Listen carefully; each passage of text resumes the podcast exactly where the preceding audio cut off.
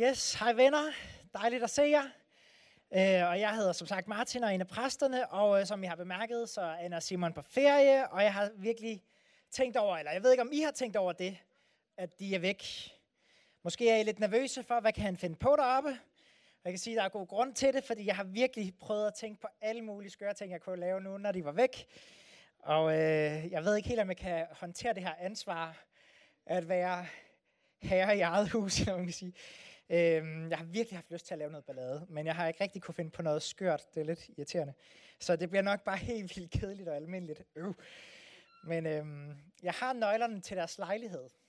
Så hvis der er nogen, der bagefter har lyst til at proppe nogle af deres ting i budding eller et eller andet, i den du så, øh, så lav en lille prank med dem, så, øh, så er jeg frisk. Øh, men jeg når, de når at høre det her på podcast sikkert, inden de kommer hjem, så det er selvfølgelig lidt skidt. Så ved de, hvem der er skyldig. Nå, anyways. Øh, men øh, dagens tale i dag, den skal handle om barmhjertighed. Og øh, den skal handle om Jesu barmhjertighed, og så skal den handle om, hvordan vi kan lære at skrive af den her barmhjertighed og den her kærlighed, han har til os, og vi kan give den videre. Men helt til at starte med, så har jeg lyst til lige at læse fra Matteus evangeliet, kapitel 14, hvor der står sådan her.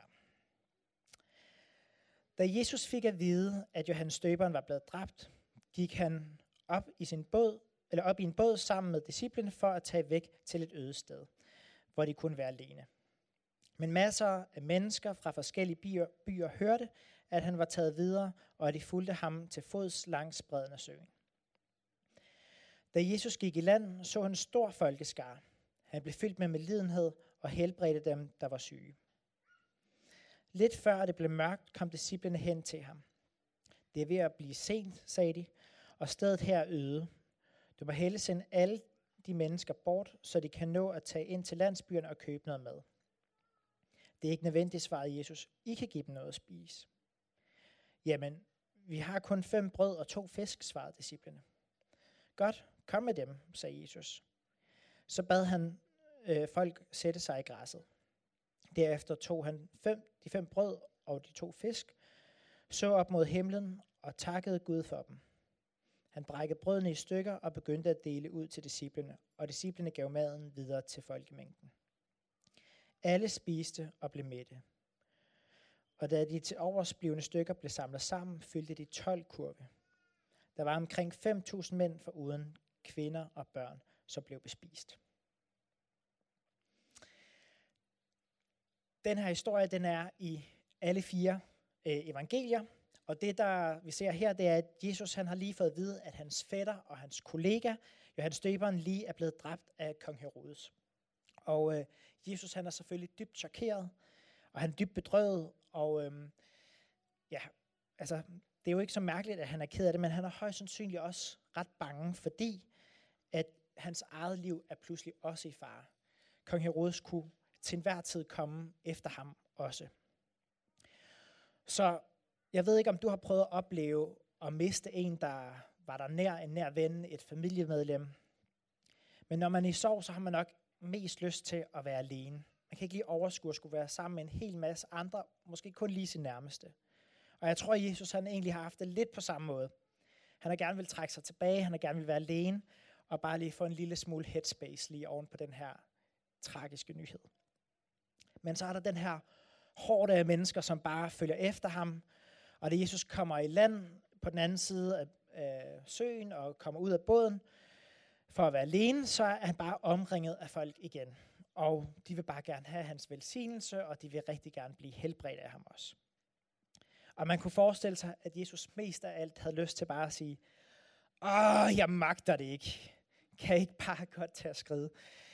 Men øh, Jesus han ser på menneskene, og så bliver han fyldt med, med lidenhed, står der. Han sender dem ikke væk, men i stedet for, så begynder han at helbrede de syge. Og øhm, hvis man kigger lidt nærmere på ordet med lidenhed, så øh, hedder det på græsk, og hold fast, det er sådan lidt af sådan en øh, tungekløver, splagnitomai. Øhm, det er et højst personligt ord, ikke bare på grund af udtalen, men også på grund af sin unikhed. Splagnitomai, det er et ord, som øh, faktisk ikke forekommer på almindelig græsk. Og øh, det bliver heller ikke brugt i øh, den græske udgave af det gamle testamente. Det virker som, ord, som om ordet øh, faktisk kun bliver brugt i de her øh, fire evangelier i den her sammenhæng. Og det virker som om, at det er et selvopfundet ord, som disciplene selv bruger for at beskrive det, der i virkeligheden sker lige der. Ordet betyder nemlig ikke bare med lidenhed, men det betyder derimod, at ens organer vrider sig af medfølelse. Altså en fuldstændig ekstrem følelse. Disciplinen de har stået der, og så har de set på Jesus. De har agtaget ham. Og den bedste måde, de ligesom kunne beskrive på, hvad der, hvad der sker med ham, det er, at Jesus han blev så rørt. Han fik så meget omsorg for de her mennesker, der havde fulgt efter ham, at hans organer vred sig inde i ham. Så, han nærmest, altså, så det nærmest smertede ham, at han havde så meget omsorg med dem. Og Jesus han var uden tvivl i forvejen i dyb smerte og sorg på grund af, at Johannes døberen var død. Men Jesus formår på en eller anden måde at kanalisere den her smerte ind til næste kærlighed, der næsten også gør ondt i hjertet. Jesus han bliver ikke kynisk. Han kunne så nemt have været blevet kynisk og blevet træt af situationen, men han vælger i stedet for at gå smerten i møde. Og jeg synes, det er vanvittigt smukt. Jeg bliver sådan helt benåret eller mundlam, når jeg tænker over, hvordan Jesus han er. Sådan, havde, sådan var Jesus over for mennesker dengang. Og sådan er han også over for os i dag. Barmhjertighedens karakter, det er simpelthen udgangspunktet for, en, for Jesu relation til dig og til mig. Hans blik på os fyldt med barmhjertighed. Der er sådan en kendt øh, engelsk præst, som hedder Spurgeon, som siger, hvis man skal opsummere hele Kristi karakter i forhold til os selv, kan det samles i denne ene sætning. Han var fyldt med barmhjertighed. Og prøv at forestille dig, at du står der foran 5.000 mennesker. De er syge, de er sultne, og de er fattige. Og det vil bare være så meget lettere at vende det blinde øje til. Ikke? Ignorere elendigheden, og så slutte sig om sig selv. Det vil være meget, meget, meget lettere at blive kynisk. Gøre sit hjerte hårdt, så smerten ikke rammer en selv. Det er 100% det, jeg selv ville have gjort. Hvilken forskel kan jeg gøre i den her verden alligevel, kan man tænke. Mine handlinger, det er bare lige en dråbe i havet, ikke? Så, og så ville jeg forlade bygningen, efter jeg havde sagt det og sagt smut med jer. Men sådan er Jesus ikke. Han går ikke væk fra smerten. Han kender netop alt til smerte, og han kigger ikke væk fra smerten. Tænk sig, at vi har en Gud og en konge, som ikke ignorerer og fornægter det, som er hårdt. Men i stedet for, så går han det i, møde, og han faktisk kan holde til mosten. Og når han ser på dig, så bliver han ikke træt og tænker, åh, nu dig igen. Åh, jeg magter dig ikke. Åh, kan du ikke bare tage dig sammen? Nej, hans blik siger det hele. Når han ser på dig, så ser han på dig med omsorg. Han ser på dig med medfølelse, med barmhjertighed. Og hvem er os længes ikke efter et nådigt blik? Og han vil være med dig i din kamp. Så meget, at hans organer vrider sig i hans indre, i smerte af bare medfølelse over for dig. Jeg ved ikke, jeg har selv sådan lidt anstrengt med, hvis folk har med medlidenhed med mig. Men i virkeligheden, så tror jeg bare, at jeg længes efter at have en, jeg kan stå og være ærlig over for, hvordan jeg i virkeligheden har det, når jeg er totalt øh, smadret, og så alligevel ikke blive fordømt. Og det er den konge, som vi har. Men det stopper ikke her. Han vil faktisk også gerne helbrede dig. Han vil gerne sætte dig fri, og han vil gerne give dig mad. Han overlader dig ikke bare til tilfældighederne. Han giver dig ikke bare en tudekik, så klapper dig lidt på ryggen, og så øh, kan du gå videre. Nej, han ønsker også at sætte dig fri. Og han ønsker at sætte os alle sammen fri. Sådan er Jesus, han er fyldt med barmhjertighed. Og det næste, der sker, det er, at øh, det er ved at blive sent eftermiddag, og disciplene de kan godt se, at øh, folk, der er til stede, de ligesom ikke har smurt madpakker. Øh, det vil være kritisk i forhold til aftensmaden, så de foreslår, at Jesus han skal sende folk hjem. Men Jesus han siger, det er ikke nødvendigt. I kan give dem noget at spise. I kan give dem noget at spise. Min omsorg for menneskene skal blive til jeres omsorg. Og selvom disciplene går op og ned af Jesus hver eneste dag, så har de stået og sådan kigget lidt spørgende på ham, hvad, hvad snakker du om? Altså, hvad skal vi gøre? Vi har jo ikke noget mad. Eller jo, vi har fem brød og to fisk, men altså, hvad er det til så mange mennesker? Øh, det er jo fuldstændig nyttesløst. Men Jesus svarer, det er fint, kom med det. Det kan vi sagtens bruge. Så takker han for det, han brækker det over, og så får disciplinen det, øh, så de kan give det videre til menneskene. Og så sker der det her uforklarlige, at der bliver ved med at være nok. For hver gang de deler brødet med nogen, og fisken med nogen, så bliver der ved med at være noget tilbage i kurven. Og miraklet, det sker i takt med, at de giver ud af det, som de i virkeligheden ikke har. Det er fuldstændig vanvittigt. Og det ender med, at alle får mad, og de alle sammen bliver mætte, og der er 12 kurve til overs med mad. Fantastisk. Og på samme måde så sender Jesus også teten videre til os i dag. Hvis vi følger ham og gør ham til vores forbillede, og hvis vi lader ham sætte kursen i vores liv, og hvis han får lov til at være vores Gud, så må vi også lade hans barmhjertighed strømme igennem os, så den afspejler sig i vores livsholdninger og i vores prioriteringer. Han siger, okay, du har oplevet min barmhjertighed, du har oplevet min omsorg, du har oplevet min kærlighed. Nu er det din tur til at give kærligheden videre. Giv folket noget at spise. Og Jesus han kalder os til at fortsætte det arbejde, som han havde startet. Han kalder os til at være Kristus for hinanden. Og barmhjertighed og sympati og næstekærlighed og medfølelse, det er ikke bare sådan politisk korrekthed for Jesus, vel? Hans liv bestod af det. Derfor må barmhjertighed også være mere end bare et tilvalg i vores eget liv. For selvom vi lever af Guds kærlighed, så må den også udleves i næste kærlighed til andre mennesker. For selvom vi vores tro lever af Guds kærlighed, så må den også udleves i næste kærlighed til andre mennesker. Som Jesus, mennesker som andre, øh, som Jesus var fyldt med næste kærlighed overfor, og barmhjertighed overfor. Barmhjertighed må også være bundklangen i vores liv, for det udtrykker nemlig Guds kærlighed. Og det er så snublende let for os at gå forbi vores næste. Med vores store intellekt, så kan vi nogle gange øh, hæve den her desperate mangel på barmhjertighed i vores samfund op til sådan et mere filosofisk eller politisk plan. Men man kan ikke have barmhjertighed med en sag. Man kan have barmhjertighed med et andet menneske. Og det er fuldstændig vanvittigt, og det er, altså, kan man godt tænke, det er absurd, alt det her behov, der er omkring mig. Ikke? Jeg kan umuligt gøre en for, forskel. Jeg har jo øvrigt ingenting at give af. Eller jo, jeg har måske fem brød og to fisk, men hvad nytter det? Men Jesus siger, kom med det. Det kan jeg godt bruge. Ser du, fordi for Jesus så er det ikke så super vigtigt, hvad det er, du kommer med til bordet. Det er faktisk ikke rimelig irrelevant næsten. Men det vigtigste er, at du er villig til at give det, du har.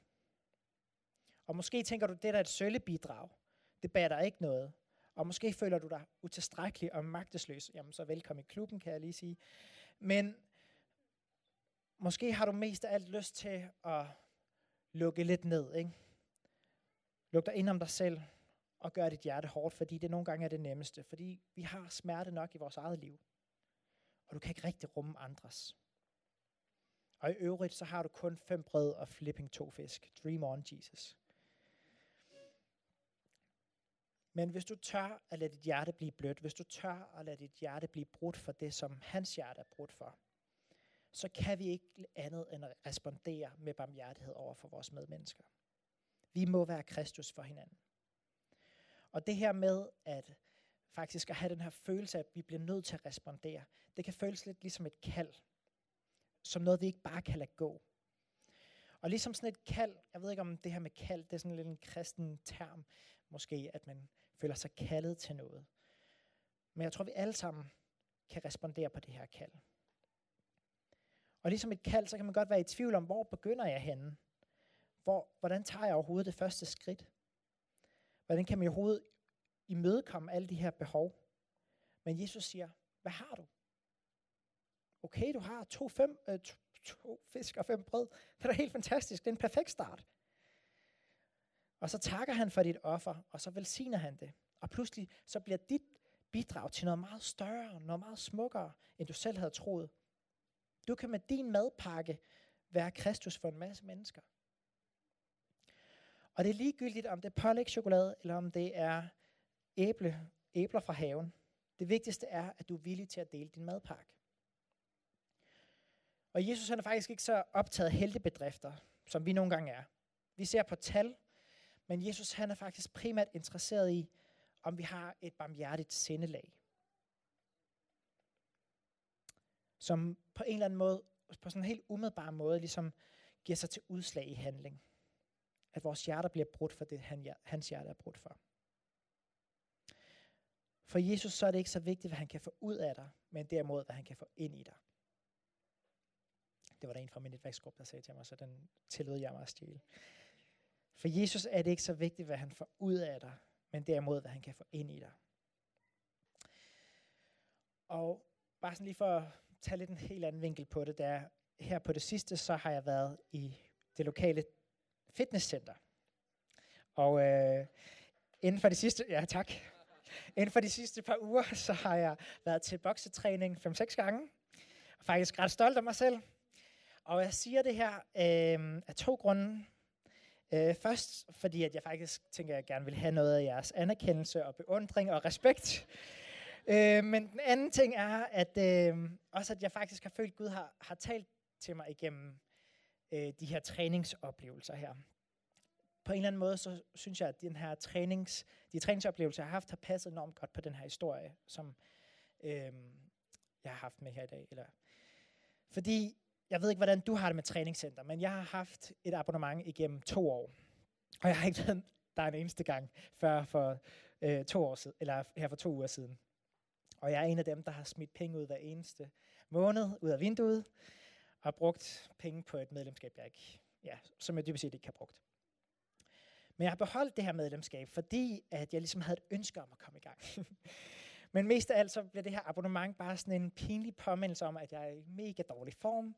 Og øhm, altså det her øh, medlemskab i fitnesscenteret, det var primært forbundet med sindssygt dårlig samvittighed. Og jeg ved godt, at øh, det er godt for mig at træne, jeg ved godt, det er godt for mig at få pulsen op, jeg ved godt, det er godt for mig at blive stærkere.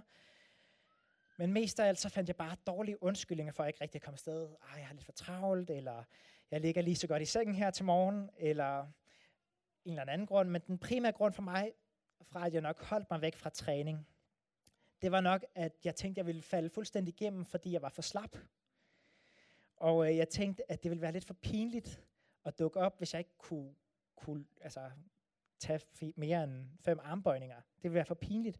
Så jeg kunne ligesom øve mig lidt hjemmefra først, men, og det kan man jo grine lidt af, men problemet er jo bare, at jeg får jo ikke rigt, altså det blev bare ved ideen, så fik jeg lige måske en enkelt aften taget mig sammen til at tage nogle mavebøjninger, men så blev det bare ved det, og så var det bare gode intentioner for resten. Og det er sådan lidt tragisk, tragisk komisk, men jeg håber, at der er andre, der også kan relatere en lille smule til det. Ikke? Men det her fik mig til at tænke på, at jeg tror på, at Gud han har et rigtig godt træningscenter for os. Og grunden til, at det har talt til mig, det er fordi, at det minder, at jeg tror, at det her det minder mig rigtig meget om Guds rige. Gud han vil rigtig gerne invitere dig og mig med i hans træningscenter. For at vi kan styrkes, for at vi kan blive udholden, for at vi kan blive gladere og sundere mennesker. Og oven i købet, så kan vi få et fællesskab sammen med andre motionister. Ikke? Og i det her fitnesscenter, som Gud har, Jesus and the Gym, har jeg valgt at kalde det, det er gratis, og øh, han vil bare rigtig gerne have dig med på sit træningshold. Men selvom det er gratis, og vi ved, at det er godt for os, så kan vi ikke altid overskue at komme afsted. Og vores forhold til vores medlemskab bliver måske mest af alt, det bliver præget af dårlig samvittighed. Vi føler, at vi bliver nødt til at have en eller anden form for minimumskondition, ikke? for at vi kan føle, at vi kan dukke op. Og det er lidt pinligt, hvis vi ikke engang kan løbe 5 minutter på løbebåndet. Hvad vil vores træner ikke tænke, og hvad vil de andre motionister ikke tænke? Men ved du at den kamp, hvis du kæmper den kamp, så er du bare ikke alene. Jeg tror, vi alle sammen har været der, og jeg tror, vi havner der i gang imellem alle sammen. Men prøv her. Det kan godt være, at du føler dig utilstrækkelig, og du ikke føler, at du er god nok. Men Gud, han vil gerne have dig med på sit hold. Og han er ikke så interesseret i, hvad du kan eller hvad du ikke kan, men at du dukker op og siger, hey coach, her er jeg. Og Gud, han vil gerne, at du bliver stærk. Han vil gerne, at du kan løfte nogle ting 100%. Det er der ikke nogen tvivl om, for det er jo fedt, hvis du vokser. Men for Gud er det vigtigste, at du gerne vil være sammen med ham. Fordi han vil nemlig vildt gerne være sammen med dig. Og når du møder op i hans fitnesscenter, så ser han på dig med hans nåde i øjnene. Han fordømmer dig ikke. Han sender dig ikke bort og siger, åh, jeg magter ikke at skulle træne dig nu. Og i stedet for så kan man næsten måske fornemme hans mildhed og smerten i hans øjne, for han ved præcis, hvad det er, vi står midt i. Han kender vores kamp. Og han ønsker at hjælpe dig. Han ønsker at sætte dig fri fra de overflødige kiloer, dine rygsmerter og dine hævede ankler. Selvfølgelig overført betydning. Vi kommer alle sammen med bagage, og han ser den, men han væmmes ikke ved den. Og han bebrejder os ikke, og han siger ikke, nu skal du have et ekstra træningsgebyr, fordi det der, du har der, det går nok selvforskyldt. Nej, han tager imod os præcis som vi er. Og så giver han dig en krammer, og så siger han, hvor var det godt, du kom. Du behøver ikke at føle, at du skal træne heller for at dukke op. Det er bare godt, at du kommer. Det er okay, hvis du bare kommer og lige tager en proteinbar fra køledisken og siger hej til træneren, og så smutter igen. Det har også værdi. Men på et eller andet tidspunkt, så vil det også være godt for dig at tage et skridt videre. Og det tror jeg måske er budskabet til nogle af os i dag. For Gud han ønsker faktisk også at udfordre dig og sige, come as you are, but prepare to change. Og for at tage et skridt videre, for at komme i form, så bliver du også nødt til at forberede dig på nogle ændringer. Træning, det kan være mega hårdt, det koster blod, sved og tårer, men det er det hele værd, fordi du bliver stærkere. Og når du bliver stærkere, så er du også sundere, og på den måde, så kan du bedre stå imod, når hårde ting i livet rammer, for det kommer det til. Men så kan du også være med til at løfte. Du kan for eksempel hjælpe din overbo med at bære indkøbsposer til tredje sal, eller du kan hjælpe din kollega med flyttekasserne, eller du kan hjælpe en af dine medmotionister med at bære nogle håndvægt. Ikke? Alt sammen skal selvfølgelig forstås i overført betydning. Man må også gerne gøre det konkret selvfølgelig. Men i takt med, at vi er genstand for Guds kærlighed og hans barmhjertighed, så bliver vi forvandlet. Og ligesom hans hjerte er brudt for os, så må vores hjerte også blive brudt for dem, som er rundt om os. Og måske tænker vi, at vi skal kunne løbe et maraton fra starten, når vi begynder, eller vi skal kunne løfte 150 kilo. Men hey, det er okay at starte småt. Det er okay at starte med fem brød og to fisk. Men der er også en faldgruppe i sådan et træningscenter. Vi kan nogle gange komme til at træne for træningens skyld. Vi kan blive så optaget af at løfte, at vi fuldstændig glemmer formålet. Og vi kan bruge timevis på squats, men fuldstændig glemme det væsentlige.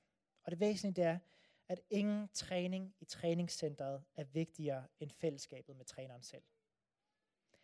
Ingen træning i træningscenteret er vigtigere end fællesskabet med træneren selv. Vi kan så hurtigt blive for hippet på at træne, at vi glemmer at hvile ind imellem vores træningspas.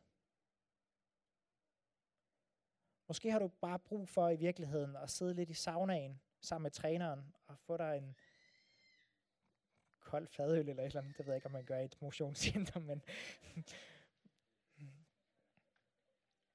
Måske kan det være, at du også føler, at der er et pres fra de andre medmotionister, og derfor så overanstrenger du dig, og så får du en sportsskade. Det er jo selvfølgelig ikke det, den gode træner vil. Han siger, hey, tag det med ro, husk at hvile dig. Det kan være, han giver dig en sportsmassage. Men det vigtigste er, at der er ikke noget, ingen træning i træningscenteret er vigtigere end fællesskabet med træneren selv. Du er Guds projekt, og du er meget vigtigere, end hvad du kan præstere. Ja, og nu synes jeg, vi skal bede sammen. Øh, jeg har ikke lyst til at rejse op.